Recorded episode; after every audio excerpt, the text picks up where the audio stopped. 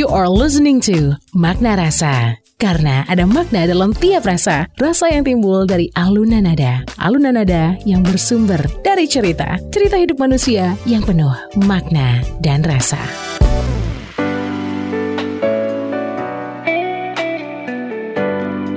Dari Bumi Karang Putih Indarung Padang 103.4 Kelas FM This is the actual radio Assalamualaikum warahmatullahi wabarakatuh Welcome back on Makna Rasa. How are you doing classy people? It's been a while ya It's a brand new episode of Makna Rasa Dan masih bersama saya Anda Hayani Yosep Bersama dengan co-host saya yang kece banget Ada Pak Ampri Satiawan Assalamualaikum Pak Waalaikumsalam warahmatullahi wabarakatuh. Sehat semangat? Alhamdulillah. It's been a while ya Iya. Iya kan, kita sudah melewati uh, waktu-waktu yang membahagiakan untuk kita Idul Fitri, Ramadan, kita off dulu sampai hari ini kita on lagi dengan new episode ya.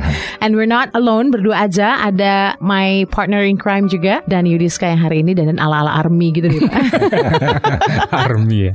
ini kenapa pakai dandan uh, ala army dan Yudiska? Pengen aja setiap hari kan harus beda ya kan. Harus beda ya. Bukan Army, karena ya. ini ya, bukan karena kita lagi akan ngomongin sosok yang tegas gitu Ah. yang ya sosoknya topik kita hari ini lah, enggak Siapa sih ya? ngomongin siapa tuh? Kita ngomongin seorang wanita Ah. yang gayanya tuh asik banget, tapi di sisi lain dia anggun juga, such a Nyablak juga. lady, tapi nyablak. Mhm. Suaranya tebel keren banget and such a legendary juga di era-era sekarang ya Pak ya, sejak 2000 2008 namanya itu Adele ya. Go easy on me baby. Keren lah ya Keren pasti ya. banget lah Keren banget Adele lah. ya. Kalau Adele mah udah. Gak usah ada hands down deh kalau sama Adele ya Pak ya. Gak usah dibahas lah gitu ya. Ih, Jangan, kalau nggak dibahas mah gimana dibahas ya. kita? Bener bener bener. Dan saya yakin nih Pak, pendengar kita, pendengar setia makna rasa tuh agree banget kalau kita ada satu special edition untuk yang namanya Adele ini. Iya. Should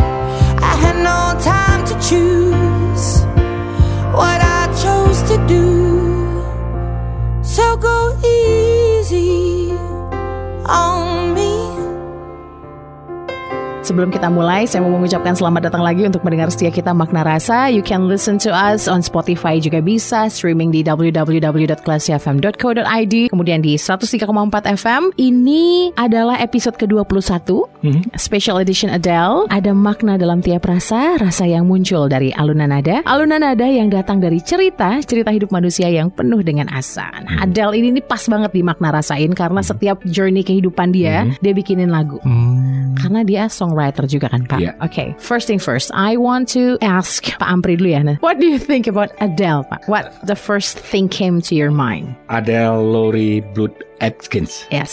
Sebuah nama yang fenomenal Mhm. yang dengan segala keunikan suaranya dan komposisi musik yang unik mampu menembus para pendengar musik di dunia pada waktu itu. Dan saya tidak pernah menyangka seorang Adele mampu memberi warna tersendiri bagi musisi-musisi setelah itu di dunia. Ini yang saya lihat terutama di karakter vokalnya yang bisa kita sebut sebagai androgynous ya. Ah, Uh, androgynous. karakter androgynous itu tuh adalah karakter suara antara suara feminin dan maskulin. ah, Itu yang dimiliki oleh seorang Adele dan yang kemudian eh, dengan jenis suara yang antara mezzo dengan alto eh, mampu dia explore ke range nada tanpa batas dan yang terakhir adalah suaranya yang serak dan dusky ya istilahnya gitu ya. Itu mampu memberikan kesan yang pas dengan lirik yang dia sajikan Ya. yang sebagian besar lirik itu menceritakan perjalanan hidup dia dan juga banyak dialami oleh orang lain. Ini yang tersirat di eh, bagi saya seorang Adele Adele. Lori Blue Atkins ini. Oke, what do you think Dan? Adele. Ya. Wah, kalau ngomongin Adele ini salah satu musisi yang menurut saya itu lakinya gede banget ya kan. Dia itu nggak harus ikut kompetisi, dia nggak harus antri-antrian untuk jadi superstar gitu ya. Tapi dia itu kan dulu awalnya itu kayak di MySpace ya kan. Ya. Dia aktif di MySpace 2006 kemudian ya. 2006 ya kan. Hmm. Tapi basic pendidikannya emang di music ya, music and performing Hmm. art bla bla gitulah. Nah, kemudian di MySpace booming langsung menarik perhatian produser dan juga label dan dia eksklusif kalau menurut saya. ya. Yep. Dia merilis album itu tidak yang tahun satu atau dua tahun tapi itu benar-benar ada yang tiga tahun, ada yang lima tahun, ada yang terakhir Enam delapan- tahun? enam tahun bahkan Iya, ya kan. Vakum 6 tahun dia. Dia itu lebih dari 2008 sampai sekarang berapa tuh? Enggak, 2008 2008, 2023 sampai 15 2003 tahun ya, ya. 15 tahun ya kan kurang lebih cuma tapi dia cuma punya 4 album. Iya, Saya iya. kebayang cuman 15 tahun cuma punya 4 album itu Tapi tapi kualitasnya luar biasa ya kan. Exactly. Gitu. Jadi emang si Adele ini punya suara apa tadi Pak? Dusky. Dusky ya. Ya. Kemudian tebel banget lah kalau istilah awamnya gitu ya. Androgyny ya. Androgyny itu ya. Jadi saya baca sebuah artikel dari BBC. Mhm. Di BBC ini full story about Adele gitu ya, ditulis oleh Will Gompers. Will Gompers ini adalah uh, jurnalis seniornya BBC dan dia membuat tulisan ini dengan mewawancarai banyak orang begitu ya. Jadi kalau menurut dia setelah dia mewawancarai banyak orang itu, Adele itu adalah sosok yang freak. Hmm. Gila ya. Freak, yang freak gila, nyablak, tapi di satu sisi dia bisa anggun banget gitu ya. Bahkan Tim Ingham, Tim Ingham ini adalah seorang journalist, respected senior journalist yang punya music business worldwide. Dia itu ngomong kalau Adele ini not normal. Adele ini anomali katanya gitu ya. Breaking album sales records in 2016. Di 2016 dia kan memecahkan rekor banget dan dia itu kalau Dani bilang eksklusif bener dia nggak harus sikut-sikutan gitu loh. Dia karena dia punya warna sendiri nih. Nah, bad newsnya kalau kata Tim Ingham ini, dia adalah penyanyi yang nggak bisa di manufacture, Hmm. nggak bisa diatur. Mhm. Karena dia itu dengan begitu kuatnya dia dia nggak mau diatur atur. Gue pakai warna gue sendiri dan dia membuktikan bahwa warna dia sendiri itu tuh laku gitu. Dan bahkan Ingham bilang Adele ini secercah cahaya untuk industri pop dan industri musik di Indonesia tahun 2006 itu saat dia baru keluar 2008 ya lebih meledaknya itu di mana dunia pop itu gitu-gitu aja gitu. Kan nggak ada Hmm. breakthrough-nya kan nggak ada. Betul, betul, Barulah betul. keluar si Adele itu makanya dia bilang ini adalah secercah harapan untuk dunia musik industry in the world gitu bahwa Hmm. eh ternyata musik kita tuh masih bisa menelurkan orang-orang legend kayak gini. Hmm, Gitu. Dulu mungkin uh, Seorang apa namanya gitu. tipikalnya itu penyanyi harus cantik, Yes. ya kan, harus langsing, uh, blondie segala macam ya kan. Iya. Suara harus tinggi tinggi banget misalnya gitu Iya. kan. Nah kemudian Adele muncul dengan Sosok uh, yang Adele gitu. yang gitu besar waktu itu ya kan. Iya kan dia gempal ya. Nah ya kemudian musisi lain juga ada itu yang mengikuti jejaknya dia misalnya kayak Lizzo. Lizzo Yes. atau mungkin Megan Trainor ya kan. Meghan Jadi Trainor juga udah langsing juga Nah, sih sekarang. iya. Tapi at least dia inspired banyak orang kan ya Ah, ah, bener. untuk menjadi artis besar. Nah, si Ting Ingham bilang kalau dia itu kan secercah cahaya ya, secercah harapan gitu ya, dan itu diaminkan oleh banyak Hmm. senior senior kritikus musik gitu bahwa bahwa, hey, ayolah dunia industri musik Hmm. kita tuh masih punya harapan kok. Gitu. Itulah si Adele. Ya, dan yang terpenting lagi ya bahwa seorang Adele dia mampu membayar kerinduan para pendengar genre yang pernah populer di tahun 60-an Hmm. yang namanya Blue Eyed Blues namanya genre itu. Hmm. Jadi Blue Eyed Blues itu yang mempopulerkan yang dulu itu The Righteous Brother yang Chain Melody. Unchained Melody. Unchained Melody. Dan dengan kemasan genre Blue Eyed Blues ini dengan cengkok-cengkoknya yang spesifik membuat lagu ini terbayarkan sosok genre yang kosong di tahun 2000-an pada saat itu. Hmm. Karena sosok genre yang ada di tahun-tahun 2000-an itu lebih banyak arah ke pop yang lebih balad ya. Hmm. Kalau si Adele ini memang agak terkesan balad tapi di apa namanya dikemas Dibungkus, dalam dibungkus dalam genre blues dengan ada cengkok-cengkok yang dia bawakan apalagi dengan tipikal suaranya yang dusky tadi. Iya. Sehingga dia memiliki ciri khas yang cepat ditangkap baik oleh para pendengar. Jadi dia stand out in a crowd gitu loh. Iya. Bener bener. stand out in the crowd banget bahkan dari awal dia muncul, dia itu kayak udah menunjukkan persona brandnya itu dia sebagai orang yang independently minded, dia Iya. independent gitu ya. Kemudian alpha female Nah, dan comfortable with her own skin. Nah itu yang paling penting. Itu yang paling penting. Dia nggak peduli And her body. and her body and herself ya kan and her story ya kan kemudian bahkan sampai ada klaim dari banyak pihak yang memang sudah senior journalist dan di industri musik dunia dia bilang bahwa Adele itu performance-nya Adele dari sudut pandang production point of view it was a pared down piece of showbiz perfection jadi perfection si Adele ini dengan semua keadelannya jadi hebat ya nah kalau ngomong-ngomong blues tadi Pak kita akan dengerin satu kiprah di mana Adele pertama kali muncul ya judulnya Chasing Pavement kita dengerin dulu ya Oke. Oke, ini dia. I've made up my mind. Don't need to think it over. If I'm wrong, I am right. Don't need to look no further. This ain't last. I know this is love. If I tell the world, I'll never say enough cause it was not said to you. And that's exactly what I need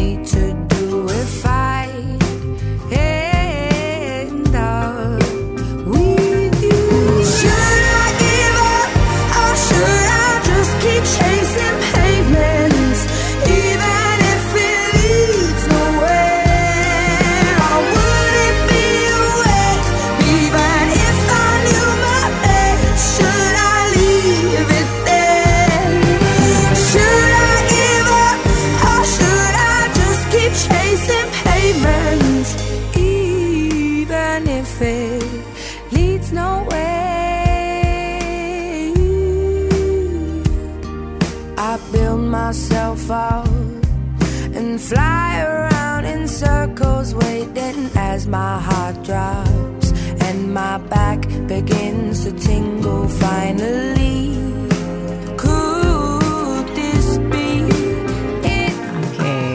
sedikit Chasing Pavement ya. 2008 ini keluar. Gue inget banget nih dan gue lagi siaran uh, late night. Pokoknya siaran request gitu di Klasi ya Pak ya. Ada yang request Adele. Itu baru-baru banget fresh from the oven banget itu Adele 2009an ya 2009 akhir. Gue baru tahu nih ada Adele nih. Dia kan 2008 gue sempet telat tahu nih Dan ada yang request Adele Chasing Pavement. Apaan sih nih lagu? Terus gue denger dong Ya ampun ini keren banget lagu Chasing Pavement. Dan ternyata lagu ini emang bener-bener lagu personal memory Personal experience-nya dia Waktu lagi break up sama boyfriends-nya Malam-malam jam 3 dini hari Dia habis putus Dan dia lagi jalan di pavement Jalan setapak. Kan di London banyak ya Jalan-jalan seperti itu. Dia nggak tahu leads nowhere. Maksudnya dia nggak tahu Dan nggak ada yang ngejar dia. Dia berharap boyfriendnya ngejar dia Kan lagi berantem nih. Nggak ada yang chasing gue Dan gue nggak men-chasing apa pun Gue sendirian di situ Dan terbitlah lagu ini. Dan Chasing yang Pavement. terpenting lagi, seorang Adele, dia mampu menghadirkan suasana kemencekaman yang dia hadapi dalam membawa lagu ini. Kita bisa dengar organ yang awal berbunyi itu itu namanya clavinet. Ingat ketika kita bahas Stevie Wonder, ada organ yang suka menjadi uh, favoritnya yang digunakan oleh Stevie Wonder. Itu yang digunakan oleh seorang Adele di awal dan memang suara itu menghasilkan citra kemecekaman yang dihadapi seorang Adele ketika membawakan lagu ini. Dan kita tahu setelah kita ikuti dari lirik-lirik lagu uh, Chasing Chasing Pavement Pavement. ini bahwa memang lagu ini dibawakan dengan cara seperti orang berjalan andante ya di 81 BPM itu dan yang terpenting lagi adalah konstan seperti orang melangkah. Jadi boleh dari awal lagu sampai akhir lagunya ini lagu ini dibawakan dengan konstan oleh seorang Adele dan suasana mencekamnya dia jaga. Pertama dengan suara organ tadi yang synthesizer tadi, Ya. kemudian baru masuk di tahap berikutnya ada drum yang Bassnya juga kentara ya bassnya seolah-olah bassnya itu mengiringi langkah yang dia lalui di jalan yang dia sampaikan di lirik ini. Hmm. Kalau dari vokalnya Pak nih Pak. Iya. Kalau dari vokalnya Bapak melihat Adele ini Aha. di awal-awal mungkin kita sempat bahas juga kemarin ya bahwa Adele di awal-awal muncul kemudian sekarang kalau kita dengerin lagi itu agak-agak berubah ya. Beda Oh. Ada perubahan lah gitu ya. Bapak ngelihatnya di awal-awal ini vokalnya seperti mungkin dari range, mungkin dari teknik dia gimana Pak? Ya, jadi kalau saya lihat teknik awal-awal Adele ini membawakan lagu standar. Dia lebih banyak mengeksplor kedaskian suaranya dia, Uh, serak dan ke androgenisnya. Makanya dia banyak bermain loncat-loncat nada blues dari uh, meliuk dari agak rendah ke tinggi dan balik lagi. Itu dia eksplorasi dan itu memang jadi kekuatan Adele di lagu-lagu berikutnya. Namun lagu-lagu berikutnya teknik vokal Adele semakin baik Hmm. dari yang pertama ini. Kalau ingin mengetahui karakter vokal Adele apa adanya ya di lagu ini di Chasing Pavement ini. Masih original gitu ya. Masih original karakter dan kemudian teknik vokalnya dia. Hmm. Dia masih mengandalkan kedaskian vokalnya dia, kemudian kemampuan blues yang standar dengan hanya meliuk-liukan sedikit. Hmm. Dan dia Tapi itu nyanyi membuat lagunya jadi dapat jadinya. hidup feel-nya ya, ya. ya. Dan dia tuh nyanyi effortlessly banget ya. Iya, dia nyanyi kayaknya gitu nyantai ya. banget ya. Kayak kita lagi ngobrol aja kan. Kalau dia lagi nada tinggi pun dia nyantai, effortlessly beautiful banget sih si Adele ini ya. Oke, kalau kita balik lagi ke Adele, ternyata dia memang music by her blood banget kayaknya. Kalau dari kecil banget dia udah main saxophone, main piano, gitar dan memang darah nulis lagunya tuh emang dari muda dan dia sempat main flute juga dan Hmm. umur 13 tapi dia nggak sanggup karena dia kan ngerokok nih. Dari dia ngerokok sejak umur 13 tahun dong si Adele ini. Jangan di, jangan, ditiru ya Jangan ditiru ya kelas Jangan Tapi pernah. segitulah Iya. dia ah, kalau bahasa Minang tuh boco ya kan sih. Iya, iya, iya. Tapi dia tetap bisa keluar dengan iya gue begini ya padanya gue begini gitu kan. Mhm. Dia tidak menutup-nutupi itu kecablakannya, kebocoan dalam tanda kutipnya. Dia give up main flute umur 13 tahun karena nggak sanggup main flute tuh kan butuh Nafas. yang Hmm. ini gitu. Unik sih si Adele ini. Dan Adele biggest influence ternyata ada namanya Etta James. Wow. Aha. Legend Etta banget James itu. tuh legend banget At dan last ya Pak ya. dia banget ya. Hmm. Iya, At Last kemudian ah, banyak beberapa hitsnya yang lain ya. Iya. Dan saat saya denger si Etta James nyanyi, ya ampun, itu kayak kiblat Adele banget. Hmm. Badannya juga gempal. Kemudian gaya-gaya songnya kalau udah di Iya. mikrofon, sesi-sesinya, slay-slaynya gitu ya. Itu tuh Etta James banget. What do you think, Pak? Ya, jadi kita bisa dengar kaitannya ke lagu Chasing Pavement tadi ya. Dia ingin menampilkan lagu ini seolah-olah dia sedang berjalan di sebuah lorong. Kemudian dia susunlah tangga nada yang panjang, yang tidak berubah dan kalimatnya tidak terputus di situ. Sehingga ketika kita mendengar lagu ini dibawa oleh cara dia menyanyikan itu seolah-olah ikut berjalan seperti Adele sedang berjalan gitu. Nah, itu yang pertama. Yang kedua adalah seorang Adele ketika membawakan sebuah lagu, dia tidak mementingkan tampilan. Dia membawakan lagu itu apa adanya, penghayatannya. Makanya Adele itu disebut dengan seorang artis yang ada banyak yang mengatakan seorang artis yang abandonomente namanya. Abandonomente itu artis yang sukses dalam membawakan lagu itu liukan nadanya, kekuatan vokalnya tercermin itu dibawakan dengan penuh perasaan. Jadi perasaan yang langka untuk seorang Adele mampu menuntun dia kapan dia harus mengeraskan vokalnya, kapan dia harus melunakkan vokalnya, dan kapan dia memanjangkan sehingga bisa menghipnotis kita sebagai pendengar Yeah. ke dalam lagu yang dia bawa. Kira seperti itu. Hypnotizing. Betul Iya. betul. Itu ya, bener-bener Adele tuh hypnotizing. Iya, ini memang masih album pertamanya ini belum terlalu booming gitu ya, belum Yes. terlalu meledak tapi cukup perkenalan Adele ini sudah sangat meluas lah dikenal orangnya. Tapi nanti kita akan masuk ya ke Exactly. album berikutnya. Kita bakal ke Rolling into Deep nanti ya. Yes. So classy people stay on Magna Rasa. We'll be right back.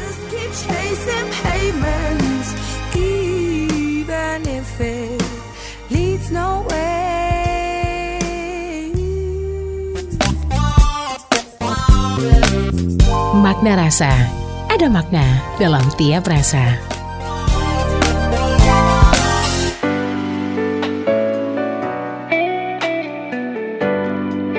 One three point four, Classy FM. This is the actual radio. Welcome back on Makna Makna Rasa. Rasa. Masih bareng saya Anda ini dan Pak Ampri Satiawan serta Dani Yudiska. And we are still talking about the one and only Adele. Ya, Kat- special edition. Mhm. Apa? Katanya spelling Adele itu kalau dari Pak MD kita ya, Aha. adu. Adele. Adele. Adele. Oh. Jadi ada di sebuah interview Talk show ya. talk show ya yang uh, mewawancari Adele, dia bilang, "Nih baru satu ini nih yang bener pronounce nama gue Adele." Aslinya ya. Adele ya. Iya banyak juga nih Pak yang ngomong, "Ah, gue jago bahasa Inggris," tapi setelah denger Adele ngomong, tiba-tiba hilang bahasa Inggris kejagoan gue karena dia British banget kan. Banget medok gitu ya. I don't understand what he's talking about sometimes. Iya. kayak kayak gitu Dia banget cepet ya. banget ngomongnya kan. Dan karena dia nyablak Iya. kan Bener nih Jadi banyak yang bilang juga bahwa Frank honesty is her trademark Jadi kenyablakan dia Trademarknya dia gitu ya Hmm. Kemudian her stick kemudian kenyablakan, kebocuan dia kalau bahasa kita tadi ya, itu tuh kayak default public persona dia. Oke, dia nggak harus jaim lah untuk Iya. menjaga marwahnya gitu ya. Betul, jadi dia tuh kayak on stage atau off stage, the whole what you see is what you get gitu. Jadi ya apa yang lu lihat ini inilah gue gitu. Jadi nggak ada beda antara off camera, on camera, on stage, off stage gitu. Iya memang tapi itu dibarengi dengan kualitas ya gitu ya. Iya, dan ternyata ini macro manage loh sebenarnya. Oh, iya. Emang ini tuh dia tuh punya tim yang dia Iya. dapat tim yang luar biasa keren banget. Mhm. Kayak Tulus ya. Tulus itu kan make his own team ya kalau di Indonesia. Kalau Adele juga gitu, dia yang memilih tim dia. Dia nggak membolehkan orang lain untuk ya itu tadi karena dia alpha female kan. Hmm. Kalau lu mau kerja sama sama gue, biar gue milih tim gue sendiri. Hmm. Nggak boleh dipilihin. Meskipun dia udah kontrak sama label atau segala macem, I choose my own people. Gitu Hmm. dia alpha female. Dan itu terbukti ya, tim dia tuh luar biasa. Makanya trademark dia yang sekarang ini kan kita mikir emang as it is, tapi ternyata itu tuh di manage juga dengan baik, macro manage bahkan sampai ke detail-detailnya. Nah kita tadi bahas album pertamanya yaitu Chasing Pavement ya. Hmm, Satu nine- lagu di album pertamanya. 19 album. 19 ya awal keluar dia banget sekarang kita masuk ke satu kiprah yang Hmm. uh sampai berapa miliar dan viewnya di YouTube lagu ini dua ya kayaknya. 2 miliar Mhm. 2 billion 2.2 billion i- on YouTube Rolling in the Deep Mhm. Di YouTube aja tuh. baru di YouTube Belum di platform Spotify. lain ya. kita dengerin dulu boleh ya Pak ya Boleh. Rolling in the Deep Mhm. there you go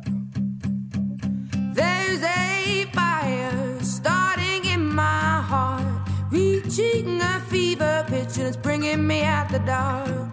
Finally, I can see you crystal clear. Go ahead and sell me out, and I'll lay your ship bare. See, I'll leave with every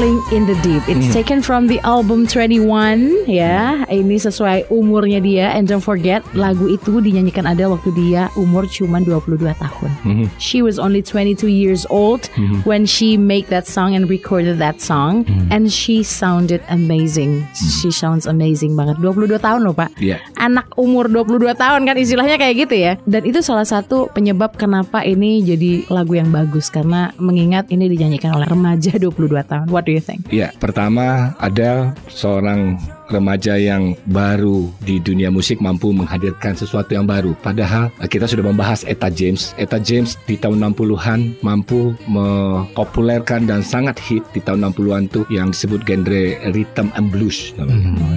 Rhythm and blues R&B ya. Nah, itu sangat merajai genre musik di panjang tahun 60-an karena di situ tuh ada unsur diskonya, ada unsur bluesnya gitu ya. Sehingga mampu menjangkau banyak pendengar. Jadi saya bisa bayangkan ketika lagu ini dibawakan seorang Adele di tahun 2000-an. Pertama, kelompok usia-usia yang sudah matang yang pernah mengalami musik di tahun 60-an terbayar. Yang kedua, di tahun itu musik-musik yang tidak terlalu keras tapi cukup bersemangat membuat para pendengarnya mampu disajikan oleh seorang Adele di lagu Rolling in the Deep ini. Dan yang ketiga adalah tipikal musik yang sederhana. Di sini kita hanya mendengar dominan adalah antara drum dan bass di sini. Sehingga Adele yang kita sebut sebagai penyanyi yang bertipikal lead solo yang karakter suaranya lebih dominan dari musik yang diperdengarkan membuat lirik lebih kuat tersaji, terdengar dan terserap oleh para pendengarnya dibandingkan musik-musik yang mengiringinya. Jadi di sini ada tiga kekuatan yang mampu disajikan oleh seorang Adele di lagu Rolling in the Deep. Pertama adalah membawakan kembali genre rhythm and blues yang pernah sangat populer di tahun 60-an yang mana waktu itu kiblatnya adalah Eta James seperti yang kita bahas. Yang kedua adalah lagu ini menyajikan musik yang cukup riang mengangkatkan upbeat istilahnya tapi tidak terlalu keras, disco blues namanya. Dan yang ketiga adalah dia berhasil membawakan vokal yang dengan lead solo yang dominan tapi memiliki karakter suara yang luar biasa yang dusky dan serat berlapis dan seterusnya. Hmm. Itu yang bisa saya tangkap lagu Yes. di Rolling in the Deep. ini. seirama banget dengan seorang senior journalist music di Inggris sana, Pak. Pendapat Bapak barusan seirama banget. Dia bilang bahwa this song is very simple simple verse and chorus, simple sebenarnya, tapi expertly structured, didesain dengan ahli banget gitu ya, and crafted so that the controlling of song energy is uh, guarded gitu, terjaga gitu. Iya, iya. Terkontrol dari awal kan kayak gitu ya, energinya tuh kan nggak terbuang sia-sia gitu rasanya dari awal sampai akhir tuh konstan aja. Rolling in the deep. What do you think Dan? Video klipnya juga kegambar banget ya. Misal kalau kita nonton MV-nya, Pak, musik videonya misalnya di YouTube apa cek gitu. Dan itu emang berasa banget beatnya ya. Kan banyak gelas-gelas Lilin, air iya, kan. ha. iya bener dan itu beatnya nyambung banget sama lagunya gitu Pak dan saya ngeliat bahwa memang pencapaian Adele tuh paling tinggi di album 21 ya Nda ya Yap. di album 21 karena dari 13 lagu itu cuman ada dua atau tiga lagu yang gak ngehits tuh Pak selebihnya udahlah laris gitu dan tahun berikutnya ini dirilis 2011 di tahun 2012 Adele itu menang langsung 6 Grammy, Grammy Awards. Awards. Iya. from this penjualan album. mm, penjualan paling tinggi itu sepanjang album Adele itu di album 21 dan It's- Rolling in the Deep one of them. Dan menurut saya dari keseluruhan lagu Adele yang sudah saya dengar ya, ini teknik vokal dan komposisi musik yang terbaik menurut saya. Benar, Rolling in the deep setuju ya. sih. Setuju ya Dan. Setuju banget. Kalau saya justru yang Set Fire to the Rain Pak. Yes, Hmm. itu juga Itu included. keren juga ya Karena lebih kelihatan marahnya si Adele itu Set fire to the rain itu Karena dia nyalain api di tengah hujan gitu kan Rasanya kan powerful banget ya Mhm. Tapi memang Rolling in the Deep worth Iya. it banget untuk Dia mampu yang terbaik menjaga menjaga power vokalnya yang stabil di sepanjang lagu. Iya. Lagunya kan rapat banget tuh Pak ya. Rapat banget. Enggak semua vokalis bisa membawa lagu kan dengan baik. Bener. Tidak itu semua. kalau misalnya kita karaoke tuh ya, udahlah ngap-ngapan gitu. Ngap-ngapan itu gitu. Dan lagunya keren-keren banget di 21 Someone Yes. Like You, One and Lonely, Iya. Set Fire to the Fire to Rain, the Don't You. Remember, A Rumor Has It, Rumor Turntables, Has It, banyak iya, iya. Semuanya yang hits lah udah gitu Pak. Iya, Jadi- tapi yang terbaik menurut saya nih. Rolling in the Deep. Rolling in the Deep ya. Dan album ini memang dikeluarkan tahun 2011 ya dan ya dan dia bisa memperoleh penjualan 30 juta kopi worldwide. Dan within first weeknya aja udah terjual 352 ribu. First in the first week. Jadi dia Betul, launching seminggu kemudian udah terjual 352 ribu. Iya, jadi secara global Wow. itu begitu di, dihitung ya Pak ya, dia berada hanya di bawah The Beatles untuk 21 album ini. Oh iya. And 50 cents, The Ya. Beatles and 50 cents. Jadi dia wah keren banget ya nih orang yang bener-bener ya. Dan selain Etta James, ternyata ada juga nih yang influencing seorang Adele. Oh, siapa itu? Namanya Beyonce. Iya. Beyonce. Kemudian Amy Winehouse. Satu sekolah dia. Satu sekolah sama Amy Winehouse, bahkan dia sempat di comparisonin kan sama si Amy Winehouse kan, which is itu agak-agak ada irisan lah ya suaranya sama-sama tebal kalau sama Amy kan, tapi Amy lebih ke jazz kan ya. Coraknya juga hampir sama ya. Iya corak-coraknya. gitu. Ah, kemudian ada Pink dan Spice Girl. Maksudnya ini Ah, influencersnya idolanya gitu Adele. mungkin ya? No no influence, music influence. Spice Girl. Spice Girl, ya. Ada satu lagi, Gabriel namanya, penyanyi Oke. soulnya Inggris. Oh yang kulit kulit hitam ya pak ya? Ya. I Sunshine apa lagunya pak? Gabriel Sunshine. Nah, gitu. Ya. Ya. Oke. Gabriel ini yang banyak dia contoh dalam cara pengucapan vokal. Hmm. Karena si Gabriel ini kan berkulit hitam. Mm, mm, mm. Hmm, Oke, Adele juga sempat ngisi uh, soundtracknya James Bond ya. Skyfall. Yes. Skyfall Hmm, iya. itu adalah lagu s- soundtrack James Bond yang beda sendiri kalau menurut gue dan Hmm. Skyfall itu Tapi grandenya sama sih. Grande Grandenya masih karena grandenya iya Sama karena ya? kalau James Bond khas banget gitu. James Bond harus grande kan Ah. cuman kayak mencekam banget Skyfall tuh kayak Let the iya. sky fall when it crumble Hmm. itu kan aduh beda nih si Adele ini memang punya warna yang kuat banget Betul, kalau. Sam Smith yang bawain kan nggak terlalu ini kan Sam, Smith, kan pernah bawa ini Oh, ya James Bond juga. James Bond juga, Oh, iya, cuman iya. beda warnanya, lebih garang si Adele kayaknya. Karena memang alpha female banget si Adele kalau menurut saya. Dan kita ngomongin album si Rolling in the Deep ini adalah lagu yang dia tulis saat dia baru putus sama boyfriendnya lagi, tapi the real relationship katanya. Jadi dia putus, besoknya dia tulis lagu ini. Jadi memang lagu ini menggambarkan ini ya suasana hatinya ya kan. We could have had it all, Rolling in the Deep. Kita bisa rolling in the deep bareng-bareng nih. Uh, you have my heart inside of your hand, but you played it. Tapi lu mempermainkan hati gue gitu. Jadi lagu ini adalah katanya tolak ukurnya dia, tonggak milestone-nya dia memiliki real relationship. Kalau sebelum-sebelumnya cuma boyfriend-boyfriend aja lah. Kalau ini real relationship tapi dia break up Tapi kayaknya di album 21 itu mayoritas lagunya tentang tentang si boyfriendnya. boyfriend, putus cinta, Someone like you gitu-gitu kan? ya. Aha. Emang itu kayaknya laku dijual kayaknya. Iya. Makanya saat dia menang Grammy Award sampai 6 itu di Iya. speechnya saat after party dia ngomong yang gue bikin ini adalah yang semua orang alamin sebenarnya Nah, iya, gitu. relate Jadi- banget lah. Uh-uh. Jadi ya gue dia juga humble kan ya. Gue cuman menulis dari pengalaman yang semua orang alamin kok sebenarnya dia biasa aja. Dia kayak kayak gitu. Cuman ya itu karena kekuatan vokalnya yang luar biasa, tidak banyak orang yang memiliki vokal yang seperti Adele punya ya, dan kemudian dia mempunyai kepiawaian di teknik vokal yang meliuk-liuk tadi, sehingga ya Adele menjadi diterima banyak orang. Mhm. Hmm. karya-karyanya. Itu kelebihannya dia. Oke. Kalau kita lanjut dengerin lagu ini sampai habis boleh ya? habis ini kita akan puterin lagi biar classy people tuh merasakan apa yang kita omongin sekarang ini ya, Boleh, Rolling boleh. in the Deep ya. Ah, Oke, iya. kita akan dengerin ini dia buat Anda classy people.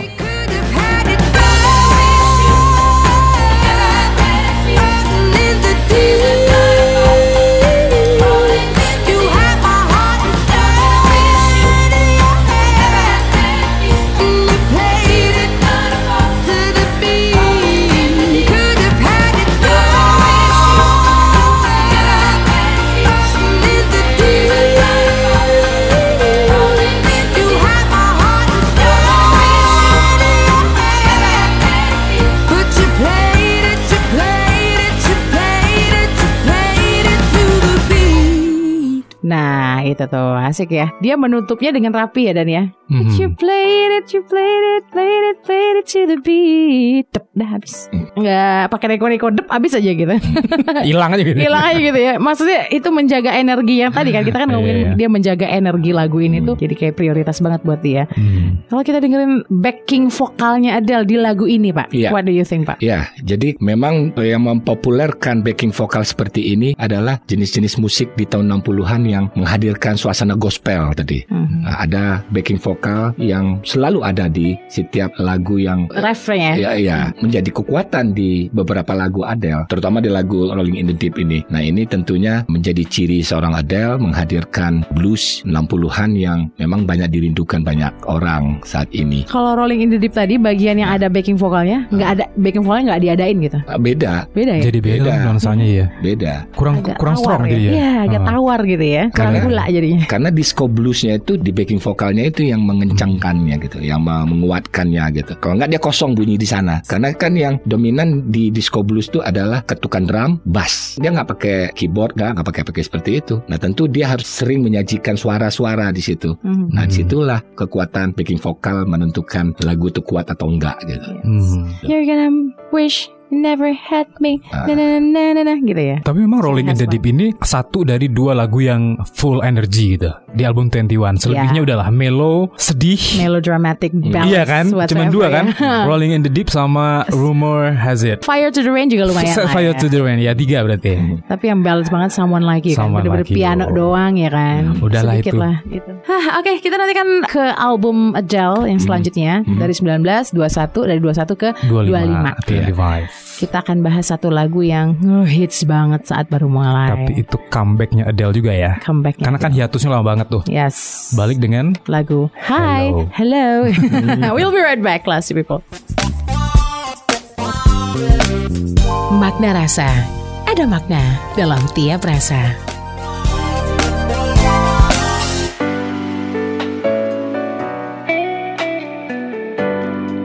103.4 Kelas FM This is the actual radio. Welcome back on Makna Rasa. Masih bareng saya Anda Hayani. Ada gentleman di sebelah kiri saya. Silakan gentleman. Dan Yudiska.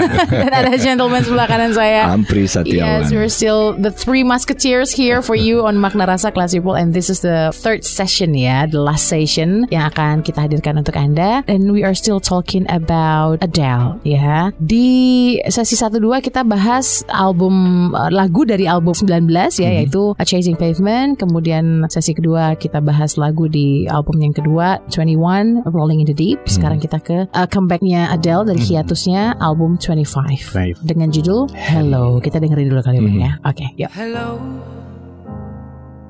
it's me. I was wondering if after all these years you'd like to meet to go over everything. They say the time's supposed to heal ya, but I ain't done much healing. Hello, can you hear me? I'm in California dreaming about who we used to be when we were younger and free. I've forgotten how it felt before the world fell at our feet. There's such a difference between us and a million miles.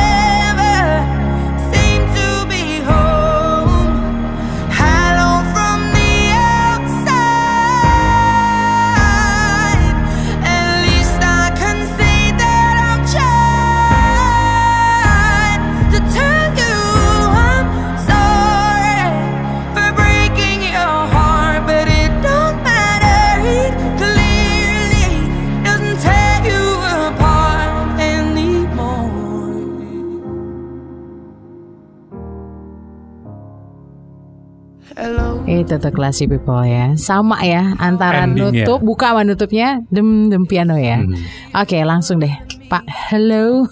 Iya. What do you think about this uh, song? How are you? Yang menonjol di lagu ini adalah dia seorang Adele mampu mengadop space rock waktu kita pernah membahas Genesis ya dengan kekuatan musik teknonya. Di sini dia menggunakan piano, kemudian di situ ada synthesizer dan kemudian ada back sound kayak semacam suara gospel tadi Ya, darinya. backing vokalnya ya. di vokalnya. Tapi yang terpenting adalah dengan nada-nada yang berulang atau kita sebut dengan riff ya. Adele dengan piawai memilih chord-chord berjalan progresi chord yang enak didengar. Jadi dengan satu nada, misalnya dia bermain dari A minor tadi ya, dia berulang aja dari A minor ke F ke C, A minor F ke C. Itu aja bolak-balik. Padahal untuk nada itu nggak harus A minor F C, tapi itu yang dipilih oleh seorang Adele. Ya bisa aja ke chord-chord yang lain karena nadanya cuma datar tadi. Tapi yang terkesan di sini adalah dengan adanya perpindahan progresi chord dari A minor F ke C tadi, seolah-olah kita dibawa terbang ke suatu tempat gitu. Nah ini yang sukses dihadirkan seorang Adele di lagu Hello ini. Ditambah dengan komposisi-komposisi yang sudah kita sebutkan tadi ada musik synthesizer-nya, ada back sound yang gospelnya tadi, sehingga lagu ini menjadi enak didengar oleh kita semua. Itu yang saya tangkap dari lagu Hello. Ditambah dengan adanya bending note meliuk-liuknya yang menjadi kemampuan salah satu kemampuan seorang Adele membawakan lagu-lagunya. Oke. Ini yang membuat lagu ini sangat terkesan bagi saya. Lagu Hello think ini. Dan? Hmm, ini lagu yang pas banget buat comebacknya Adele ya. Ya. Ya kan, comeback dari tahun 2011 Off dulu tuh, 2012 off 2015 masuk 13, lagi. 14, 15 hadirlah Hello Judulnya aja tuh Hello ya kan Hai gitu ya. How are you Iya. ya kan Dan pas banget Jadi semua orang tuh udah nungguin Adele nih seperti apa nih pak Hmm. Dan terbukti memang setelah Hello Dia kemudian merilis Send My Love To Your New to Lover. Your New Lover Hmm. Dan itu beatnya beda banget sama Hello pak Ini udah mulai naik nih Naik Hmm. naik ke middle gitu Dan itu perfect sih ya Kalau menurut uh, saya pak gitu Comebacknya Adele dengan style yang baru gitu Iya. Dan Ditambah, hello, hmm? ditambah dengan kemampuan overtone-nya ya. Ya Luar biasa sekali. Kayak Adele. lepas banget ya. Iya. Hello from the outside. Ah, Dilepas kalau dari aja. range mungkin nggak terlalu lebar-lebar banget ya pak ya? Enggak. Enggak ya kan pak? Teknik vokal Teknik vokal dan Teknik karakter vokal. karakter vokalnya sendiri kuat banget. kuat sekali. Dan karakter ini banget gitu. iconic dan Nah itu. ini yang membuat one of the most iconic song dari Adele ini adalah Hello karena saking iconicnya sering di ini kan sering dijadiin catchphrase jadiin banyak ya karena iconic gitu Hello Dan komposisi musiknya Hello ini nggak ada di lagu-lagu yang lain. Komposisi yang seperti ini hanya di Hello ini yang seperti ini yang ada space rocknya Oh. gitu. Oh, I see. Iya, jadi memang dia rilis Hello ini di Kaya Oktober sekali. 2015 ya. Kemudian ini memang ballads banget ya Pak ya. Dinilai sebagai epic track ya dan memang mau menunjukkan a soaring voice over classic pop craft gitu. Ini memang soaringnya Adele tuh Iya. wow-nya gitu ditunjukin banget di, di Iya. kiprah yang satu ini. Apalagi ditambah movie klipnya Pak, monokrom dan it, it was the first short movie ever shoot by IMAX camera. Oh. Ya, jadi ini teknologi baru banget karena beda kan. Lihat deh ininya, uh, movie klipnya beda. Meskipun monokrom tapi detail banget, asik banget. Visual kita tuh dimanjain gitu ya. Dan dia debut number one on Billboard chart ya, pop chart dan uh, ini jadi single keempat atau lagu Adele yang keempat yang nomor satu nomor satu terus for many many weeks ya dan itu nomor satu terus di US Uh, bahkan bukan di negara asalnya kan ya. Dan di 2015 ini juga dia uh, berhasil menjadi lagu yang di-download dalam satu pekan tuh udah sejuta downloadnya. Dia rilis uh, seminggu kemudian udah sejuta yang download gitu. Jadi banyak banget Download- pecah lagi abu. Ini download uh, legal maksudnya ya? Di play di Spotify satu juta dalam satu minggu Hmm. gitu. Ini kan breaking record. Setelah itu baru ada si Miley Cyrus yang Flower kan pecah lagi rekornya gitu. Hmm, Tapi pada iya, 2015 ini udah oke banget. Kalau kita ngomongin live performance-nya Adele karena Adele pernah dapat Grammy juga kan Best Pop Solo Performer kan, Female Best Pop Solo Performer. 2012 2000 itu. kan? itu, ya karena dia bawain lagu remake lagi lagu Set Fire to the Rain Hmm. tapi yang live concert. Nah, dia dapat Grammy untuk lagunya yang itu gitu. Hmm. Kalau ngomongin performance live-nya Adele, kita kan sering meskipun belum nonton Langsung ya. konsernya langsung gitu ya. Iya. Bapak pasti sudah lihat yang video-video live konsernya dia, bagaimana dia nyanyi effortlessly ya, nggak harus gimana gimana tapi suaranya bagus. What do you think Pak live performance-nya? Karena banyak banget yang ngomong Adele itu punya kekuatan menghipnotis penonton saat live. What do you think Pak? Ya, jadi memang itu yang saya sebut tadi dia seorang penyanyi yang sukses sebagai yang abandonomente tadi. Mhm. Dia disebut oleh para pengamat musik seorang penyanyi yang mampu menghadirkan karya cipta atau lagunya itu dengan penuh perasaan dengan bahasa tubuh yang cukup sederhana, tidak berlebihan sehingga orang-orang yang mendengarkan lagunya akan terbawa dengan lagu yang apa yang dia bawakan. Hmm. Dan itu tidak banyak penyanyi yang punya kemampuan seperti itu. Dan bukan cuman bahasa tubuh yang sederhana ya Pak ya. Iya. Kostumnya juga, Kostumnya juga, ya. sederhana nggak macam-macam ya Iya, kan. benar. Iya. Tata panggungnya Gaunnya. sederhana gitu, nggak usah yang ribet-ribet lagi. Tapi yang nonton Celine Dion Pak. Mhm. Iya kan? Iya, Dion Beyonce, iya. Bener. Artis-artis yang nonton dia. Memang makanya dari awal kita ngomong dia micromanage banget kan. Iya. Timnya itu memang mau memperlihatkan ke setiap kali every time live konsernya ada atau dia tampil live itu panggungnya itu kosong hanya ada piano grande Betul. aja. Dan dia sendiri berdiri dengan following spotlight di atasnya dia seolah-olah dia mau nyampein hey this is me pay attention. I'm going to sing. Iya. listen to me. Kayak gitu loh seolah yang mau dia kasih. Jadi saat dia nyanyi itu yang dilihat orang yang benar dia dengan anting-anting yang sparkling gaunnya dan dia as it is. Gitu. itu yang mau coba disampaikan. Dan bener semua orang yang nonton live-nya Adele tuh bilang bahwa gue kayak di trance Hmm. ke dunia lain gitu loh saat gue lihat dia nyanyi di depan dia gitu itu beda katanya gitu gue sih Hmm. bisa sih ngerasain apa feel orang itu bisa meskipun belum nonton langsung ya Iya iya. Oke, mungkin kita bisa dengerin. Easy on me ya Ah, bukan bukan. bukan Send My Love. Send My Love boleh? Oh boleh boleh boleh Karena Masih dari album ngebeat 21 ya, ya. Aha, Eh, 20 25 ya. 25 dong yang 2015 kan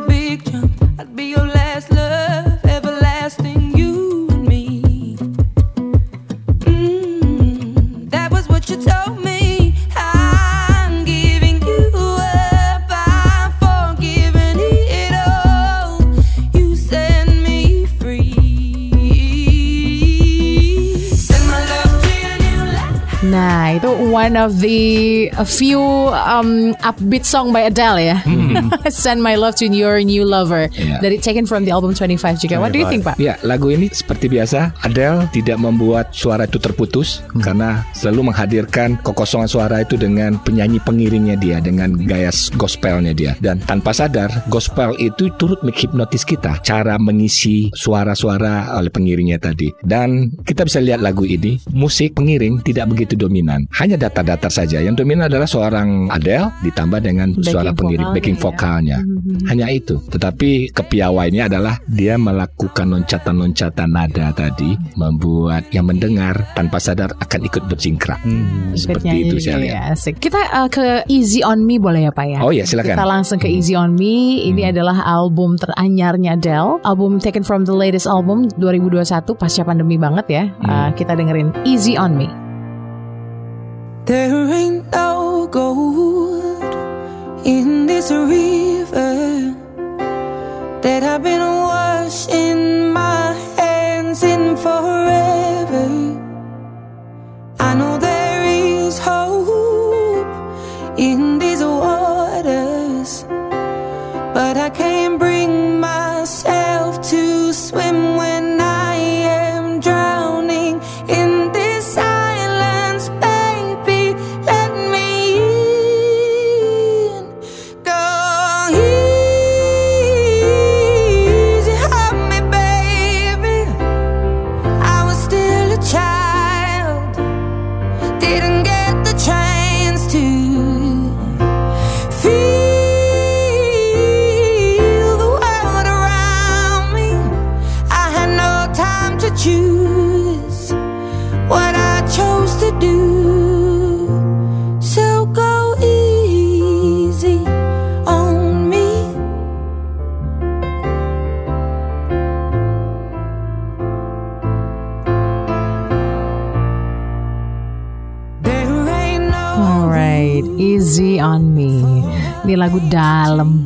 Ini Dan, aha. lagu yang menurut saya pembawaan vokal terbaik seorang Adele. Kok sama kita loh Pak? Saya juga mikir begitu.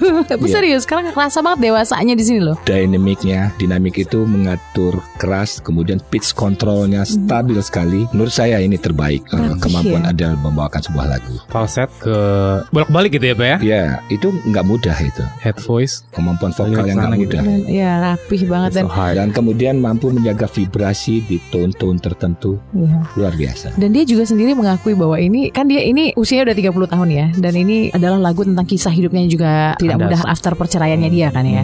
Dan bagaimana dia mau menjelaskan ke anaknya bahwa gue juga nggak mau begini gitu. Go easy lah on me gitu kan ya. Dan uh, dia juga mengakui bahwa this is one of the most adult song for me ya maksudnya dia ngerasa dia udah dewasa banget. Dia tenang lebih ya lebih dewasa lah.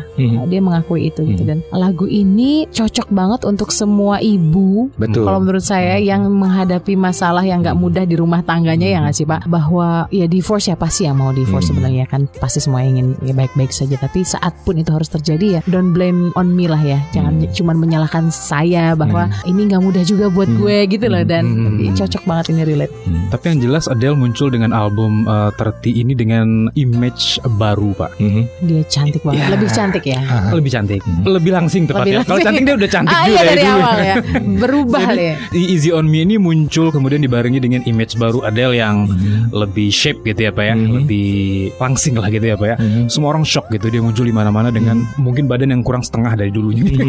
Kalau kayak gitu ya.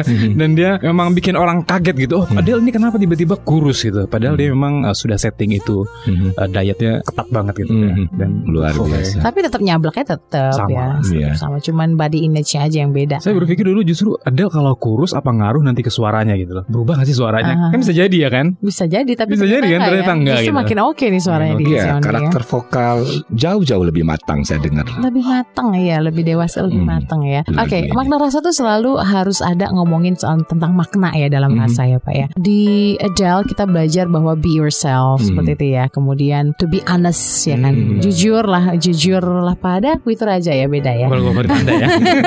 iya deh. Mhm. Uh, what do you think about the value of being yourself and to be frank, honest to yourself and to others gitu, to Yeah. be who you are? What do you think, Pak? Iya, kadang-kadang perjalanan hidup kita banyak mempengaruhi sedikit banyak cara kita bertindak, berlaku, bertutur dan sebagainya. Dan tentu akhirnya semakin panjang jalan yang kita lalui, semakin banyak yang kita temui, akhirnya kita berkesimpulan bahwa jalan yang terbaik yang harus kita pilih itu adalah jalan yang menurut kita baik, bukan jalan yang kita hanya mencontoh dari orang lain. Kenapa? Kalau kita hanya berjalan dengan hanya mencontoh cara orang, akhirnya kita bingung untuk menentukan jalan yang kita pilih itu. Nah, tentunya di sini kata awal yang harus di diri kita adalah kita harus jujur siapa kita, dari mana kita, dan mau ke mana kita akan melangkah. Nah, ini tentunya juga kembali kepada bagaimana kita menilai kita dalam menghayati hidup dan kemudian bagaimana kita menjalani cara-cara hidup seperti tuntunan agama yang kita anut dengan baik dan sebagainya. Jadi memang jadilah diri kita sendiri dan jujurlah terhadap diri kita dalam menapaki hidup hingga akhir hayat kita. Kira-kira Oke. seperti itu. Any addition dan? Jujur dan apa tadi be who you are Ya. ya. Itu kan Leo banget ya. Chill, Leo, langsung ke zodiak. iya, iya, iya, Pak ya. Dah. Biasanya Leo itu be who they are and uh, Tuhanes kadang-kadang gitu Pak. Terlalu jujur. Nah kadang kita jujur gitu. Itu salah satu komitmen ya biasanya. Kalau Leo itu komitmennya salah satunya jujur gitu. Including ketika kita menyampaikan sesuatu atau uh, mengkoreksi sesuatu keadaan atau apa gitu ya Pak ya. Tapi kadang-kadang terlalu jujur menyampaikan apa yang ada di pikiran dan ide kita itu juga kadang-kadang ya Pak ya. Itu tidak terlalu mulus juga jalannya gitu. Hmm. Jadi jujur dibarengi dengan redaksional yang lebih baik Mhm. itu akan menghasilkan hasil yang lebih maksimal gitu sih Mhm. Pak. Kalau jujur tahu-tahu nyakitin orang tuh kayaknya ah, lebih baik enggak dulu ya gitu. Jadi mungkin dalam penyampaian Iya dalam penyampaian cara Pak. penyampaian yang harus bisa kita memilih kata-kata. Nah itu saya masih belajar tuh Pak Jujur aja tuh nggak cukup gitu Misalnya jujur mengkoreksi someone gitu misalnya Hmm. gitu ya Jujur itu kalau kita mau jujur kan Lu gini gini gini gini Tapi kadang-kadang itu nyakitin orang gitu Jadi harus dibarengi dengan Kebijaksanaan. kebijaksanaan Nah we are still learning about it Alright, classy people makna rasa hari ini komplit banget. Alhamdulillah ya. Kita berharap ini juga bisa mengobati kerinduan Anda dengan uh, episode terbarunya makna rasa. hmm. mengobati kerinduan Anda juga dengan Dani Yudiska ya kan. Hmm, Alhamdulillah Yeah, thank you Pak for coming in and thank you Dan for coming in juga Makna Rasa will come back uh, for next episode dan next episode kita akan ngomongin apa nih? Aduh, saya udah siapin. Hmm. Oh, ada ya, calonnya ya? It's all about apologize. Oh, Boleh dong, oke. karena kita belum ngebahas apologize nih ya kan. Ada Please Forgive Me, Brian, Bryan Adams. Adams. Ada Sorry Seems to Be the Hardest Word, Elton John. Elton John. Hard to Say I'm Sorry, Chicago. Chicago. Oke. Kemudian ada lagi satu empat nyelip nih Pak. Ini yang terbaru dari One Republic, Too Late Apologize. Yes. Itu untuk mewakili generasi-generasi yang sekarang ya. Empat lagu ini akan kita vote, and kita akan lihat siapa pemenangnya. Oke. Oke, Class People, thank you. Kita bertiga pamit. Assalamualaikum warahmatullahi wabarakatuh. And then, See you. terima kasih sudah mencermati makna rasa. Kami akan mengajak akal Anda berkelana bersama-sama pada hari Jumat selanjutnya.